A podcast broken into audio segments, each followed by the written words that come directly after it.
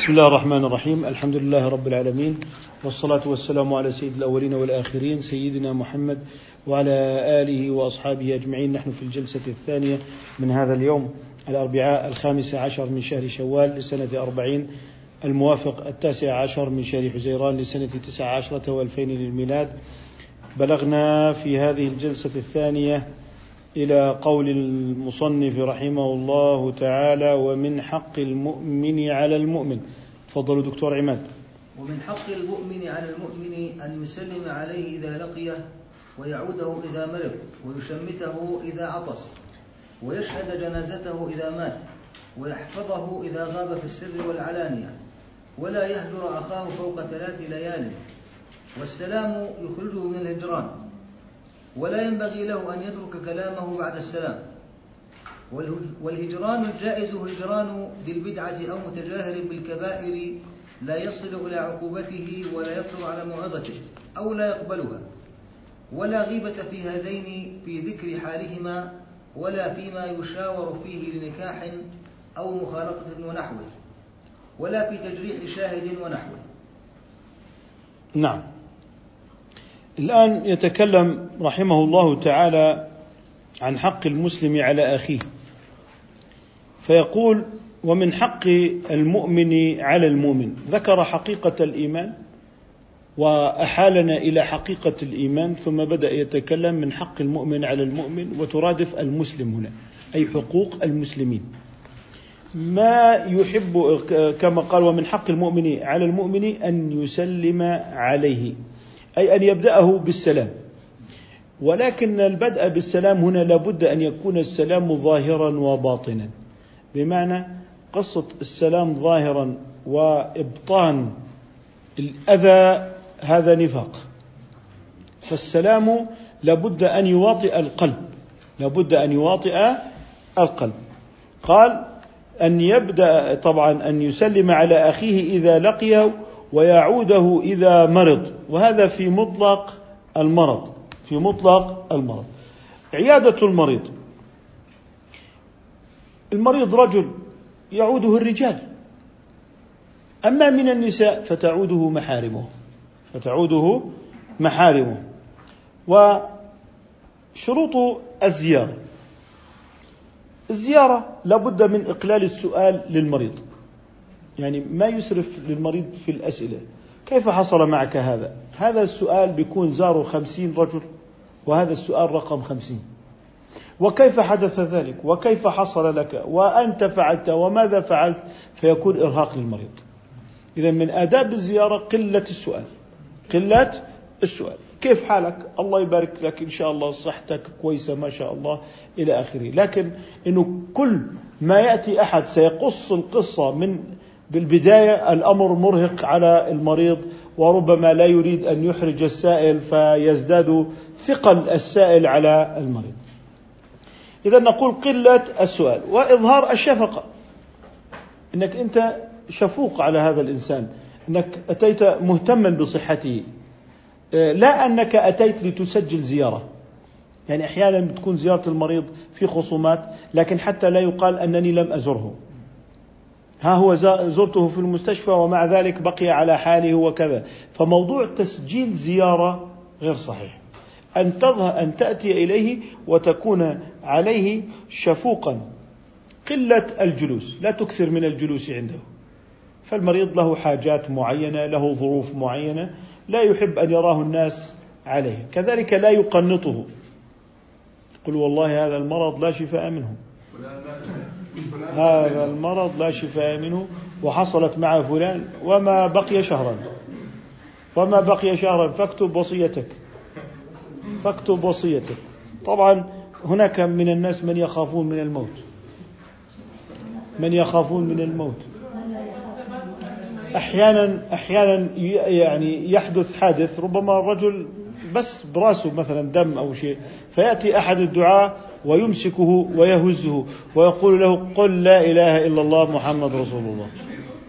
ويلقنه ربما هو لم يصل أصلا إلى حد الإسعاف. لكن خلص حادث سير مؤلم مثلا ممكن إلى آخره. لذلك هناك يعني في دور أو المشافي الإنعاش ممنوع أحد يدخل يلقن المرضى. يأتي إلى جانب أحدهم ويقول له قل لا إله إلا الله. لماذا؟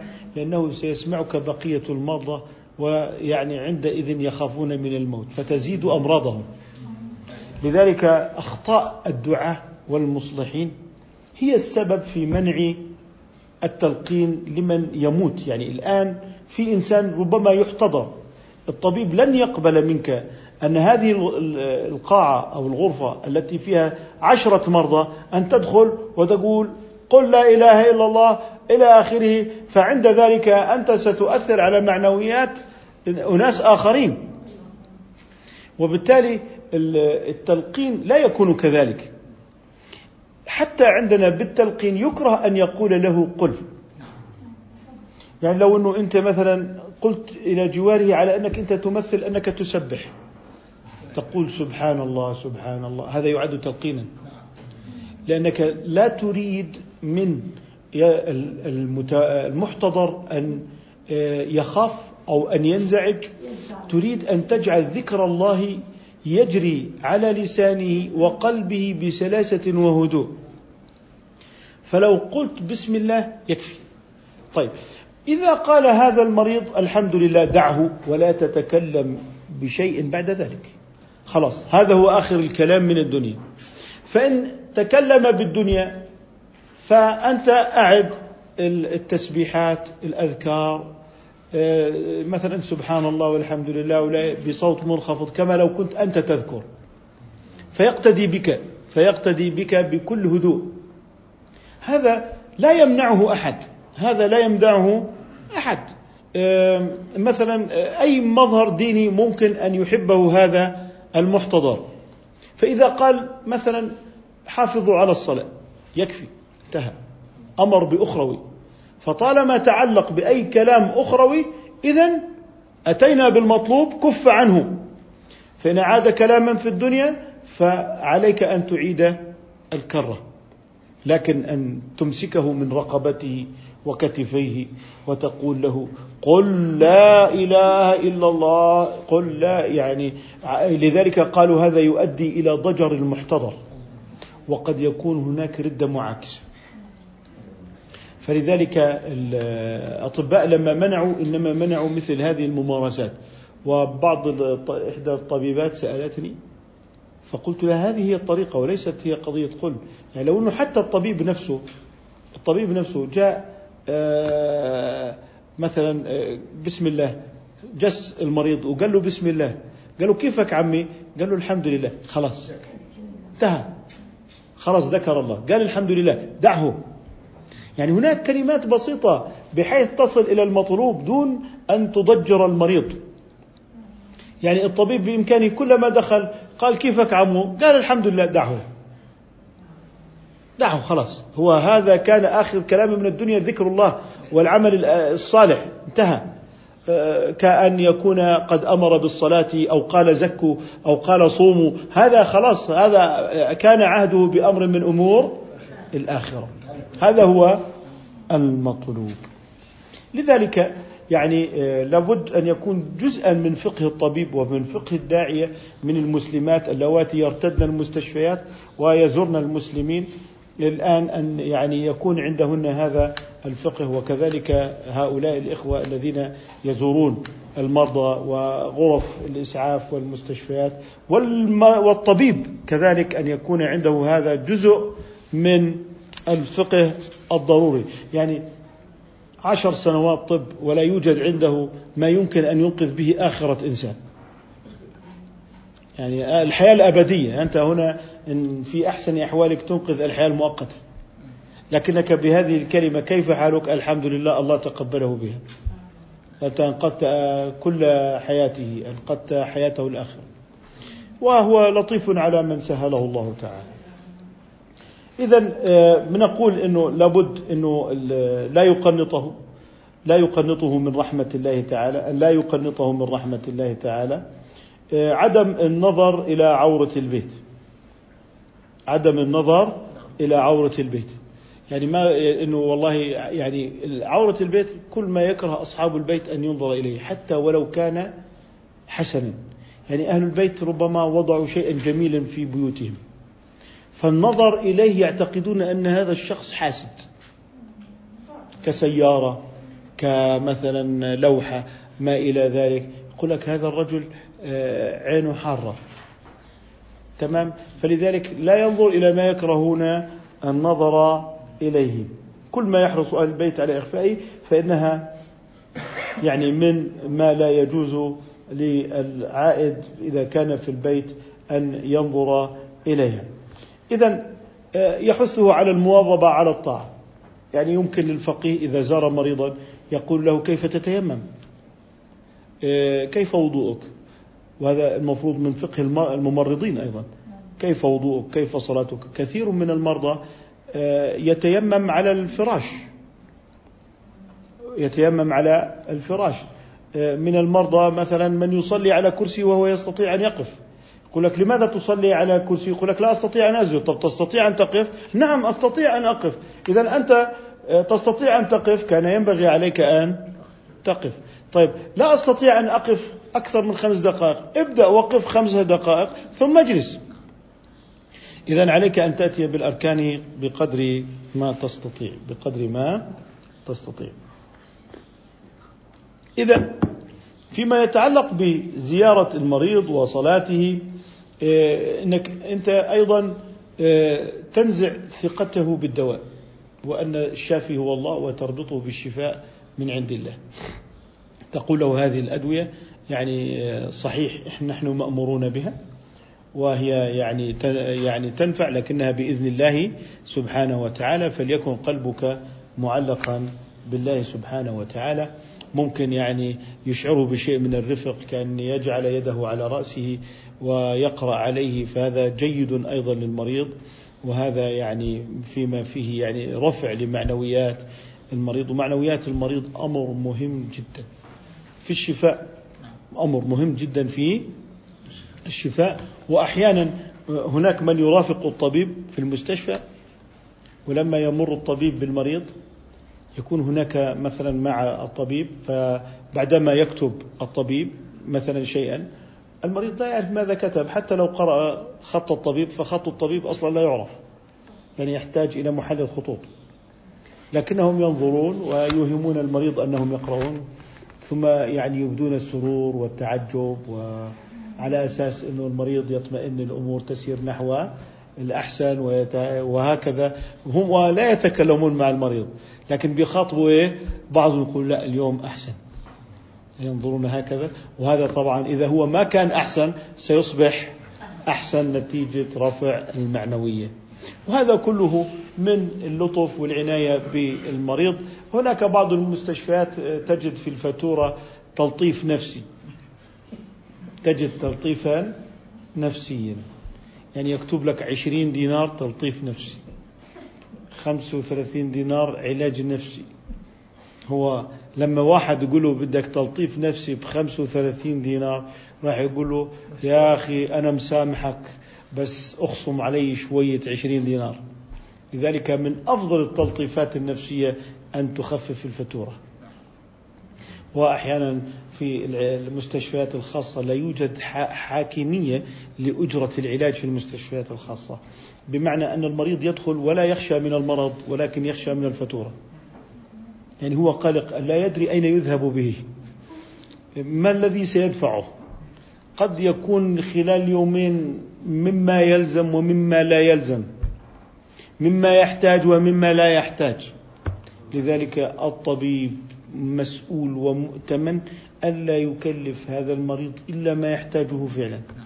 إن كان يحتاج إلى مبيت فليكن. فإن كان لا يحتاج إلى مبيت ولكن كتب له المبيت لأن صحتك غالية ولأن صحتك مهمة هذا من غش المريض. هذا من غش المريض. فلذلك نحن بحاجة إلى نوع من الشفافية في أجور العلاج الطبية ولا نريد أن تكون الأمور فيها من الجهالة الواسعة التي يعني تجعل من هذه الفاتورة لغزا يصعب حله. ولذلك واجب على الفقيه اليوم أن يحقق العدالة وممكن أن يدرج ذلك تحت عنوان المستهلك لأن هذا المريض هو مستهلك للخدمة الطبية. إذا أنت أتيت ومعك تأمين صحي يرحمكم الله ومعك تأمين صحي الكلفة خمسين في المية. لماذا؟ لأن هناك طبيب للتأمين. لابد أن يتصل هذا المستشفى بطبيب التأمين. يقول له يعني أطلب من المريض المبيت يقول له أعطني الفحوصات فحوص كذا وكذا وكذا. يقول له لا يحتاج إلى مبيت. لكن إذا ما في تأمين يقول أنت ممكن أن تموت إذا لم تبت عندنا اليوم. وبالتالي هناك يعني عدم وضوح في العقود والمعاملات.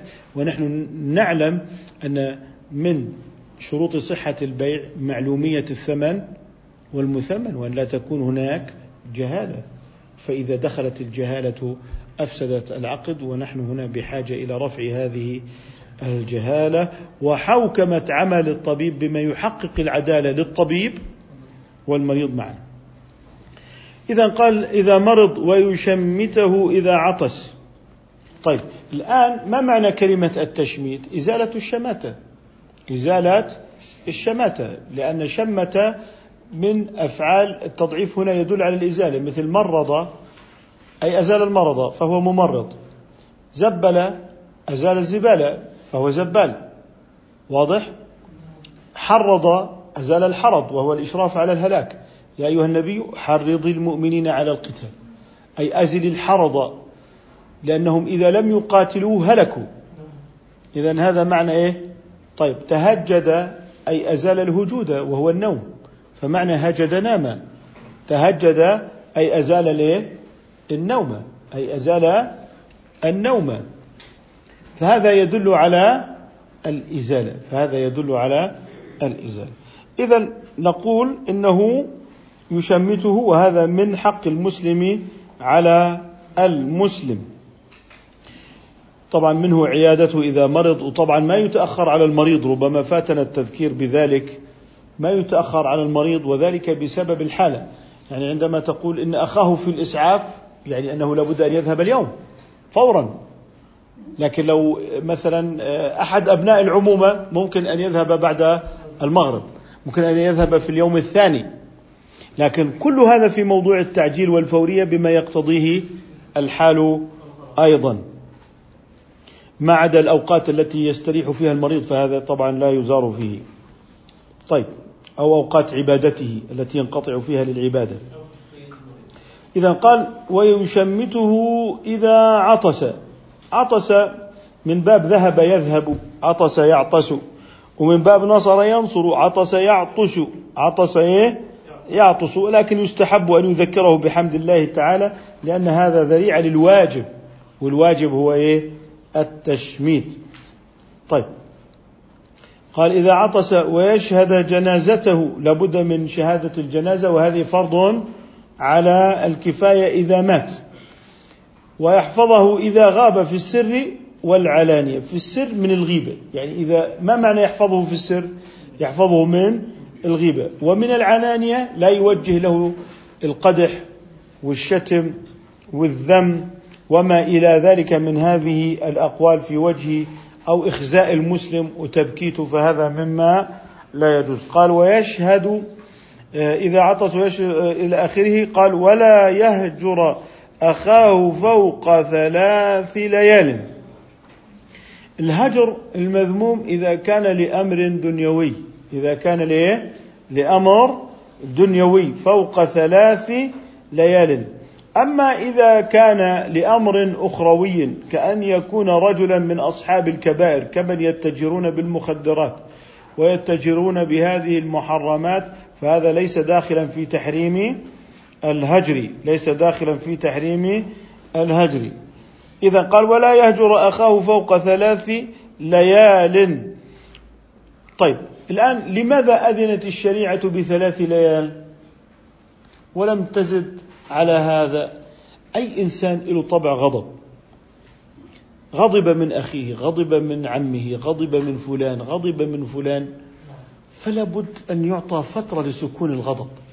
ليس وهو في وسط الغضب أن تطالبه بالمثل وأن يترك جبلته وأن يترك غضبه فربما كان السبب يعني مقنعا أو وجيها في هذه الحالة من الغضب فعندما تقول له ثلاثة أيام فهي فترة لمراجعة النفس وفترة لسكون الغضب فتجد أن هذا مما روعيت فيه إيه؟ الجبلة الإنسانية مما روعيت فيه الجبلة الإنسانية. ثم قال والسلام يخرجه من الهجران. إذا السلام الذي يخرجه من الهجران من حيث حالة أن يسلم عليه. فهذا إذا كان الهجران بالقول إذا كان الهجران بالقول فإن السلام يخرجه من الهجران. طب إذا كان الهجران بالفعل إنك أنت ما عدت تزوره ومقاطعه بس إذا وجدته صافحته فهذا لا يعد قطعا للهجران. بل قطع الهجران أن تزوره. بل قطع الهجران أن تزوره. وإعادة الأوضاع إلى ما كانت عليه قبل القطيع وإعادة الأوضاع إلى ما كانت عليه قبل القطيعة فالسلام لإنهاء القطيعة بالقول فإن كان السلام لمجرد السلام ودون أن يكون لهذا السلام محتوى من الأمان والعهد بينك وبين أخيك فيكون عندئذ من باب النفاق. قال ولا ينبغي له أن يترك كلامه بعد السلام. يعني أنه أنت قلت له السلام عليكم لكن لا تتكلم معي في أي موضوع خلاص أنا وياك بس أنا قلت السلام عليكم.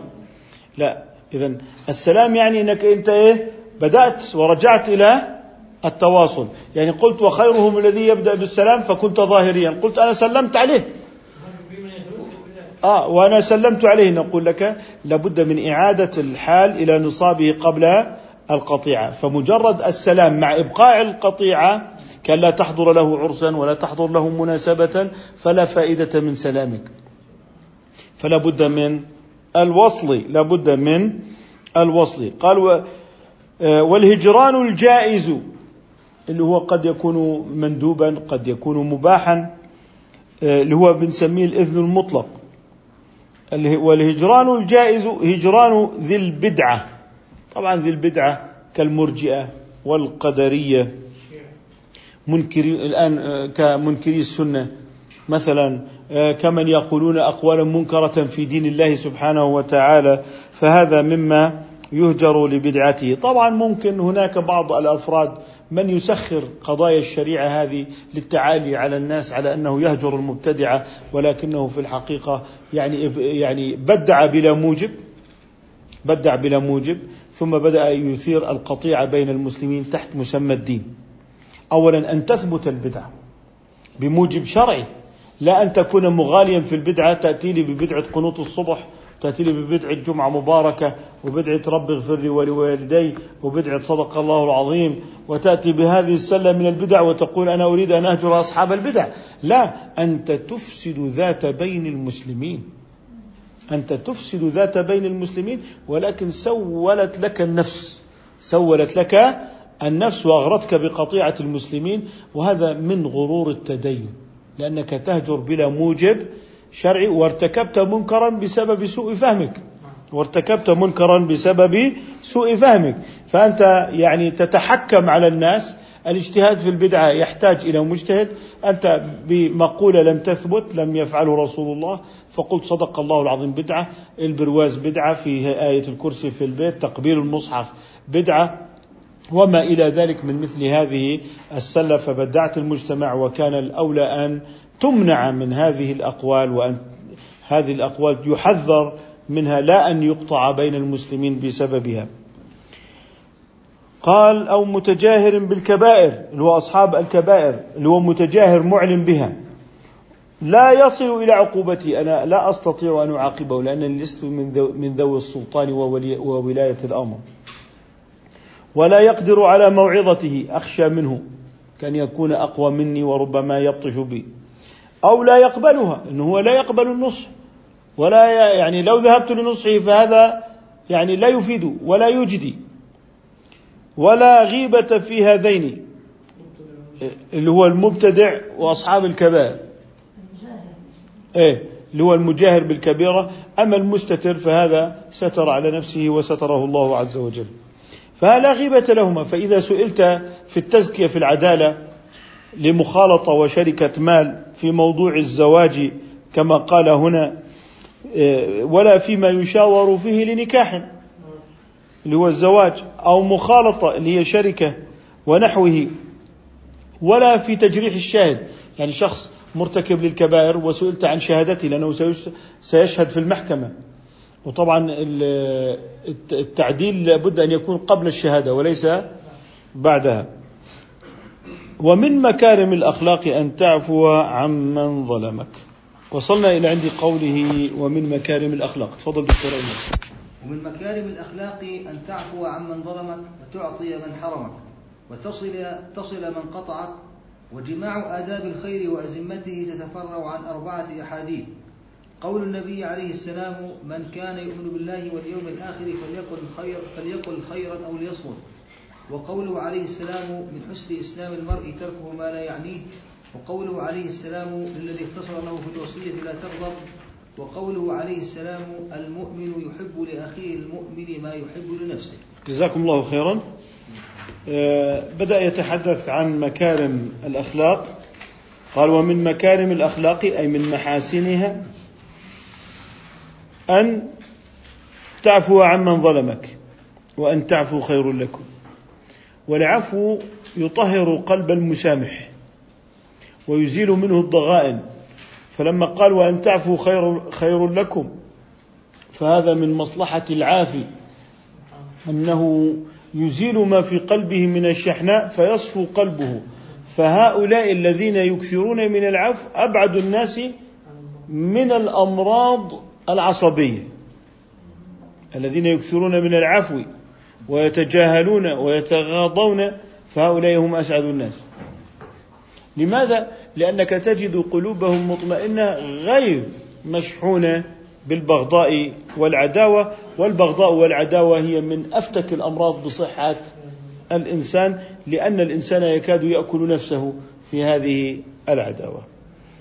قال وتعطي من حرمك وهي الإعطاء والبذل وهو مقام الإحسان. وتصل من قطعك. تصل إيه؟ من قطعك. وهذا هو حسن التواصل. ولذلك الصدقة على القريب الكاره لك أعظم.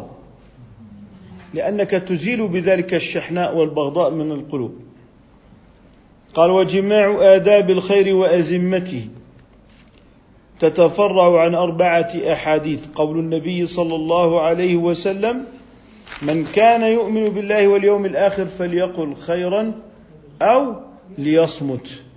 يعني هنا يقول لك أو هنا بمعنى الواو أي وليصمت. يعني ما هو يخيرك بين الصمت والكلام؟ بالخير. هو ما يعمل تخير هنا. يعني قل واسكت. قل خيرا واسكت. لا تقل شرا. وقوله عليه الصلاة والسلام من حسن إسلام المرء تركه ما لا يعنيه. وقوله اللي هو ما لا يعنيه يعني لا يعود عليه بالنفع في دنيا ولا في آخرة. هذا معنى ما لا يعنيه.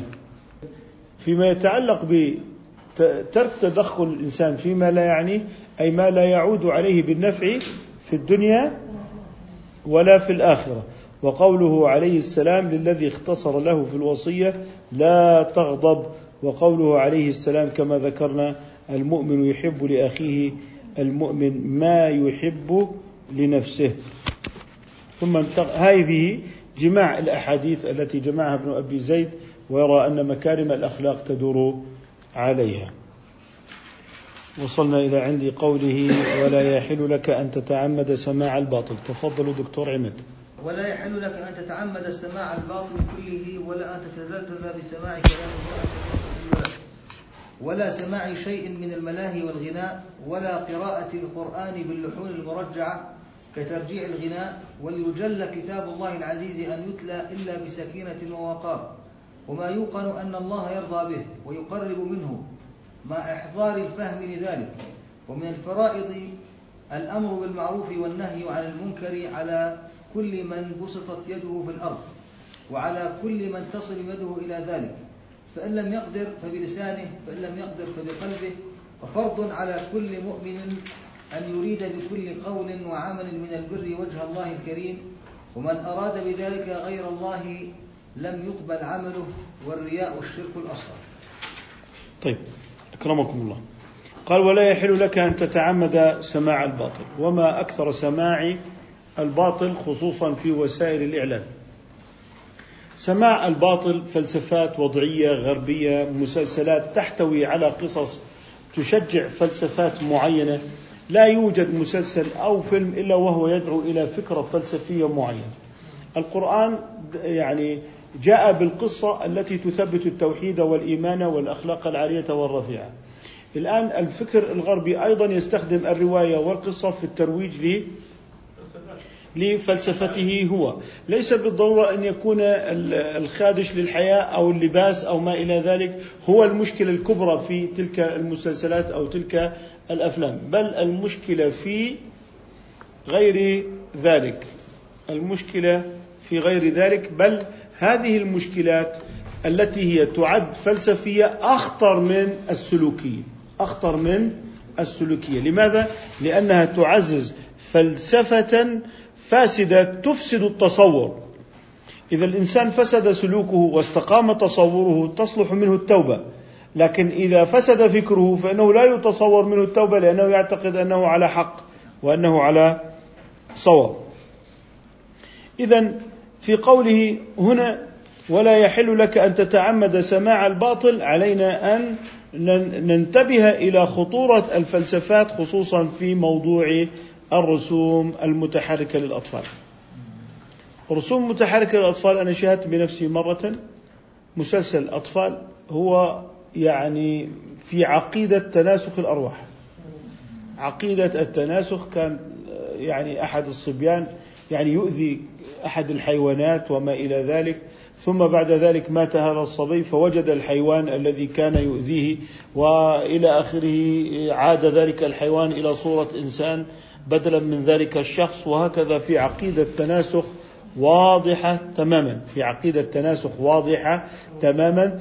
تقرب اللي هي عالم الآخرة على أنه عقيدة التناسخ التي في النهاية تنفي قيام الساعة وتنفي دار الجزاء ودار الحساب لأن الجزاء أصبح في دار الدنيا.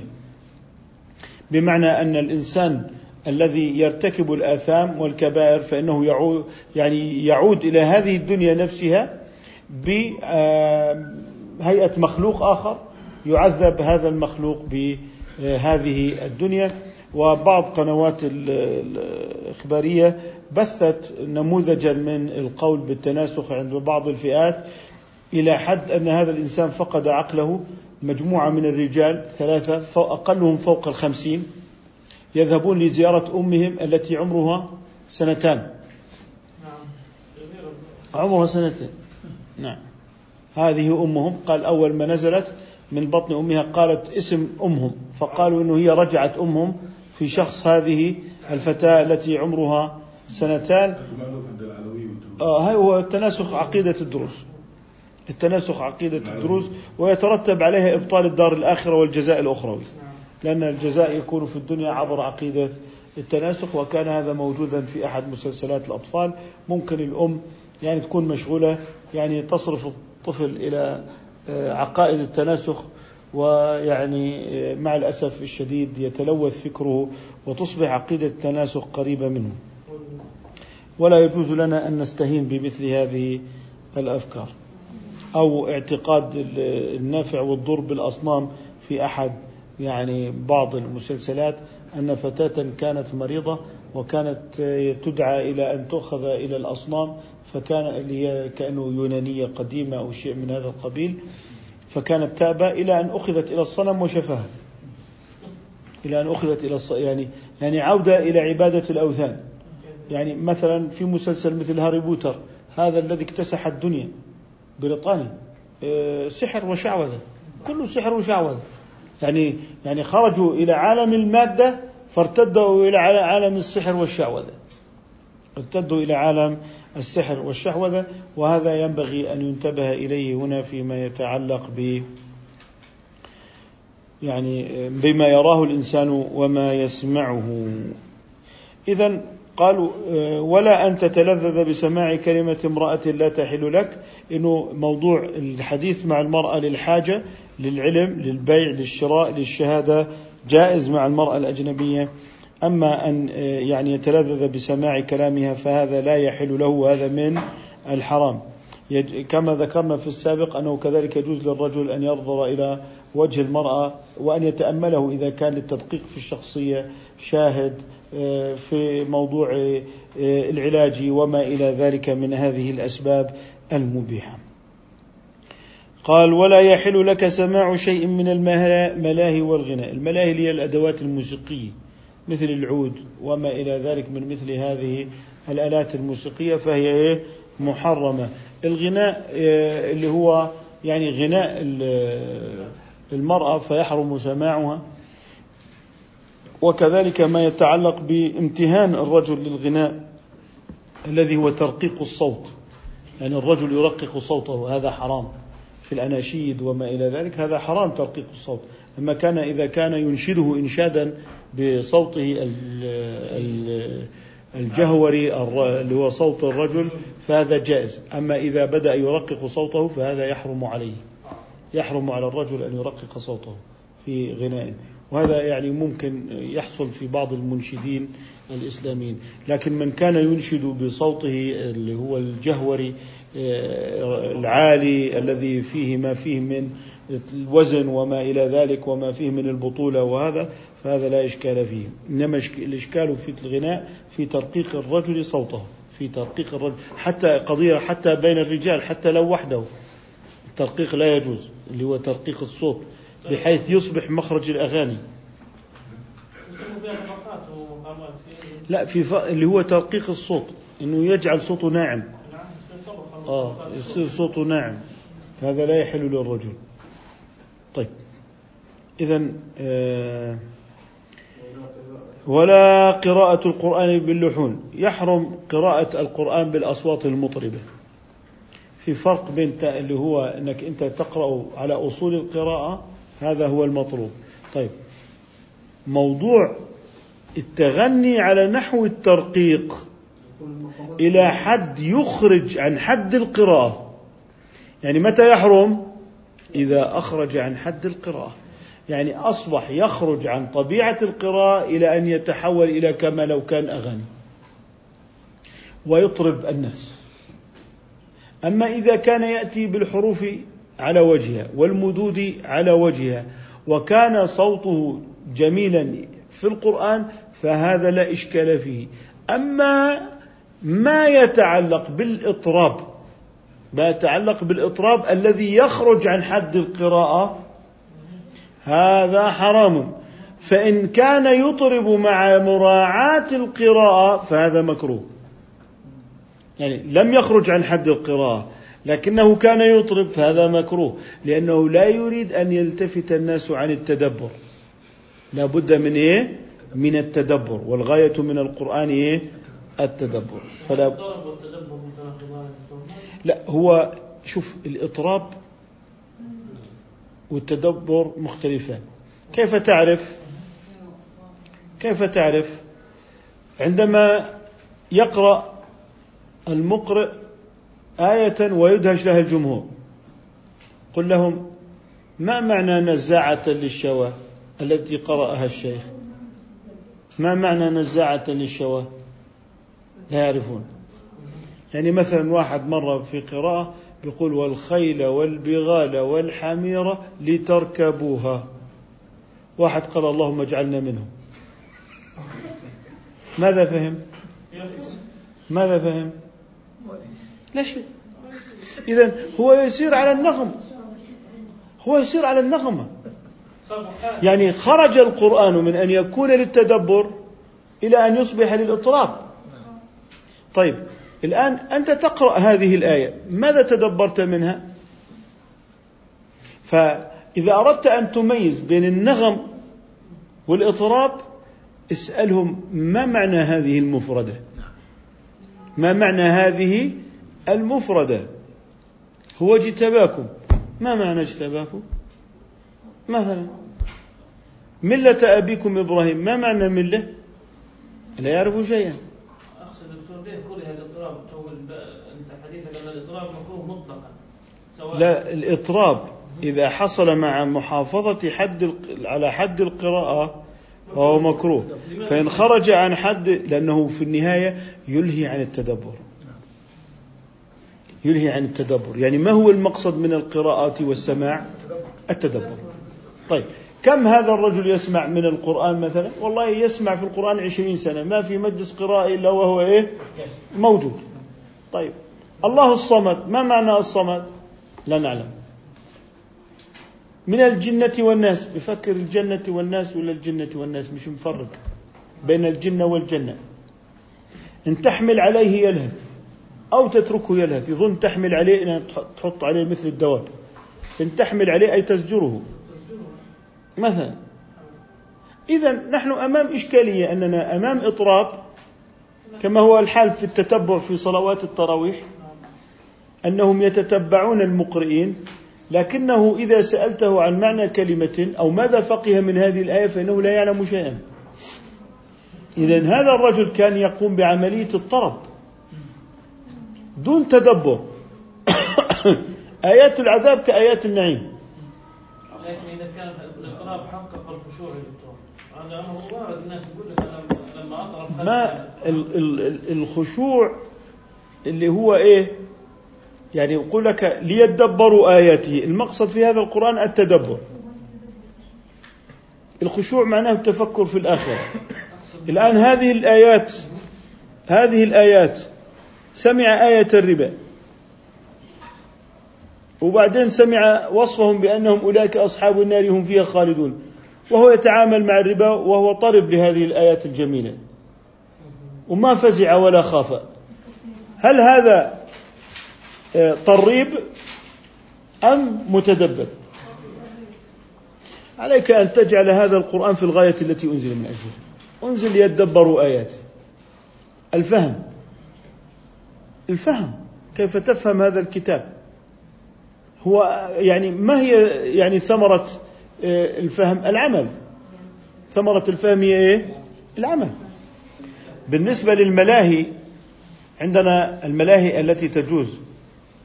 وهذا من باب الإذن المطلق فبعضها يكون مكروها اللي هو الدف.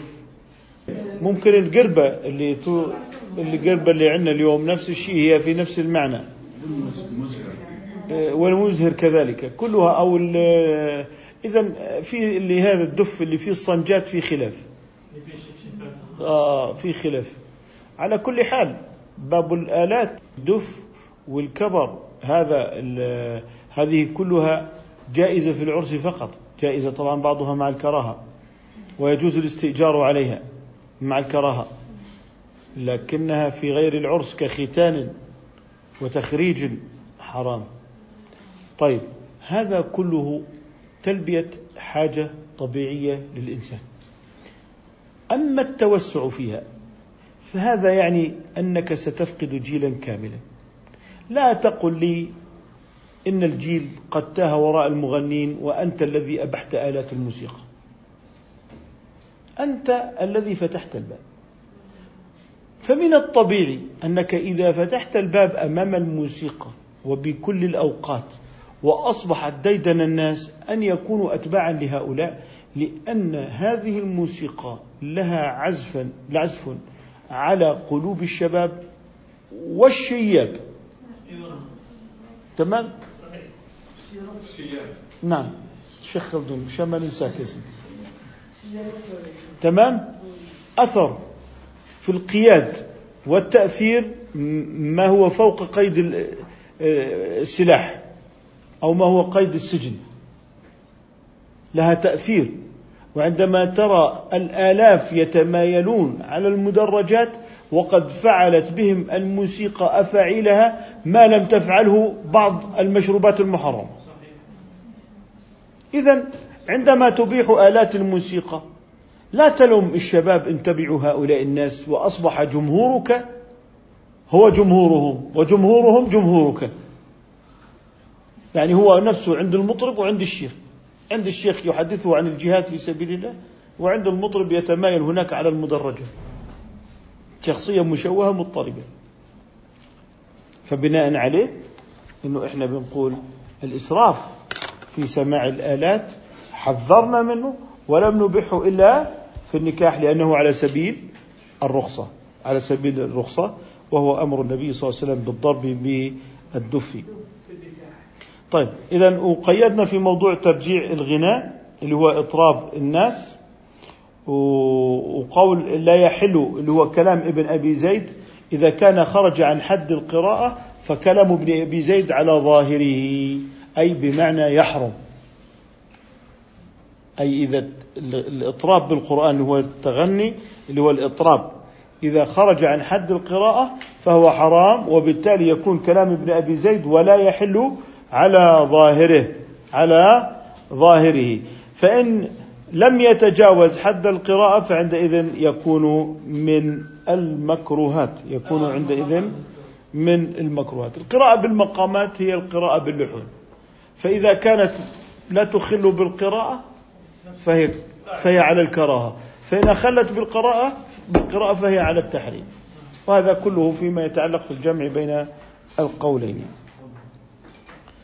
قال وليجل كتاب الله العزيز عن أن يتلى وطبعا من يتلى أي تلا يتلو وهو فوق القراءة. يعني التلاوة فيها قراءة لكن فيها متابعة. لو قلت اقرأ هذه الكلمة فهي قراءة لكنها تلاوة ليست تلاوة. إذا التلاوة تلحظ فيها معنى القراءة ومعنى المتابعة في القراءة من تلا يتلو. فطبعا إحنا الآن أمام تلحين الأدعية والأذكار بإذاعات الدينية موجودة. تلحينها بالموسيقى. تلحينها بالإيه؟ بالموسيقى. يعني لأن المجتمع أصبح مجتمع موسيقي. ذواق. سقط في أتون الإيه؟ الموسيقى وأصبح يعني مجتمع طرب. مجتمع طرب. طيب. آه إذا قال وليجل كتاب الله العزيز أن يتلى إلا بسكينة ووقار وما يوقن أن الله يرضى به. لابد من التيقن أن الله تعالى يرضى به ويقرب منه. طبعا قرب الوصول وليس قرب اللي هو إيه؟ قرب القبول. قرب القبول والوصول إلى الرضا وليس قرب المسافة. مع إحضار الفهم لذلك. وبالتالي عندما نقول القرب من الله يكون آه، خارج موضوع المسافات والكيلومترات والأمتار إنما هو قرب رحمة الله وقرب عفوه ولا يجوز إدخال المادة في صفات الله عز وجل من المسافات والكواكب لأن هذه المسافات هي ناشئة من الحيز والمكان الذي هو الفراغ أو كان يعني مسافة بين شيئين. فإن الله عز وجل منزه عن صفات المخلوقات ليس كمثله شيء وهو السميع البصير وإقحام المادة في صفات الله عز وجل لا ينبغي ولا يحل. طيب عندما نقول بالنسبة لتفسير القرآن الكريم آيات القرآن الكريم كل قصص القرآن هو خبر قصد به الإنشاء فكلما قرأت قصة قوم نزل بهم العذاب فمعنى هذا لا تكن مثل هؤلاء لا تفعل مثل فعلهم. وكل قوم نجاهم الله وزكاهم الله فكن مثل هؤلاء. إذا كل القرآن خطاب لنا بالفعل والأمر والنهي. ومن الفرائض الأمر بالمعروف والنهي عن المنكر. سنكتفي إلى هنا. خلاص إذا نكتفي بهذا القدر إن شاء الله تعالى. سبحانك اللهم وبحمدك نشهد أن لا إله إلا أنت نستغفرك ونتوب إليك.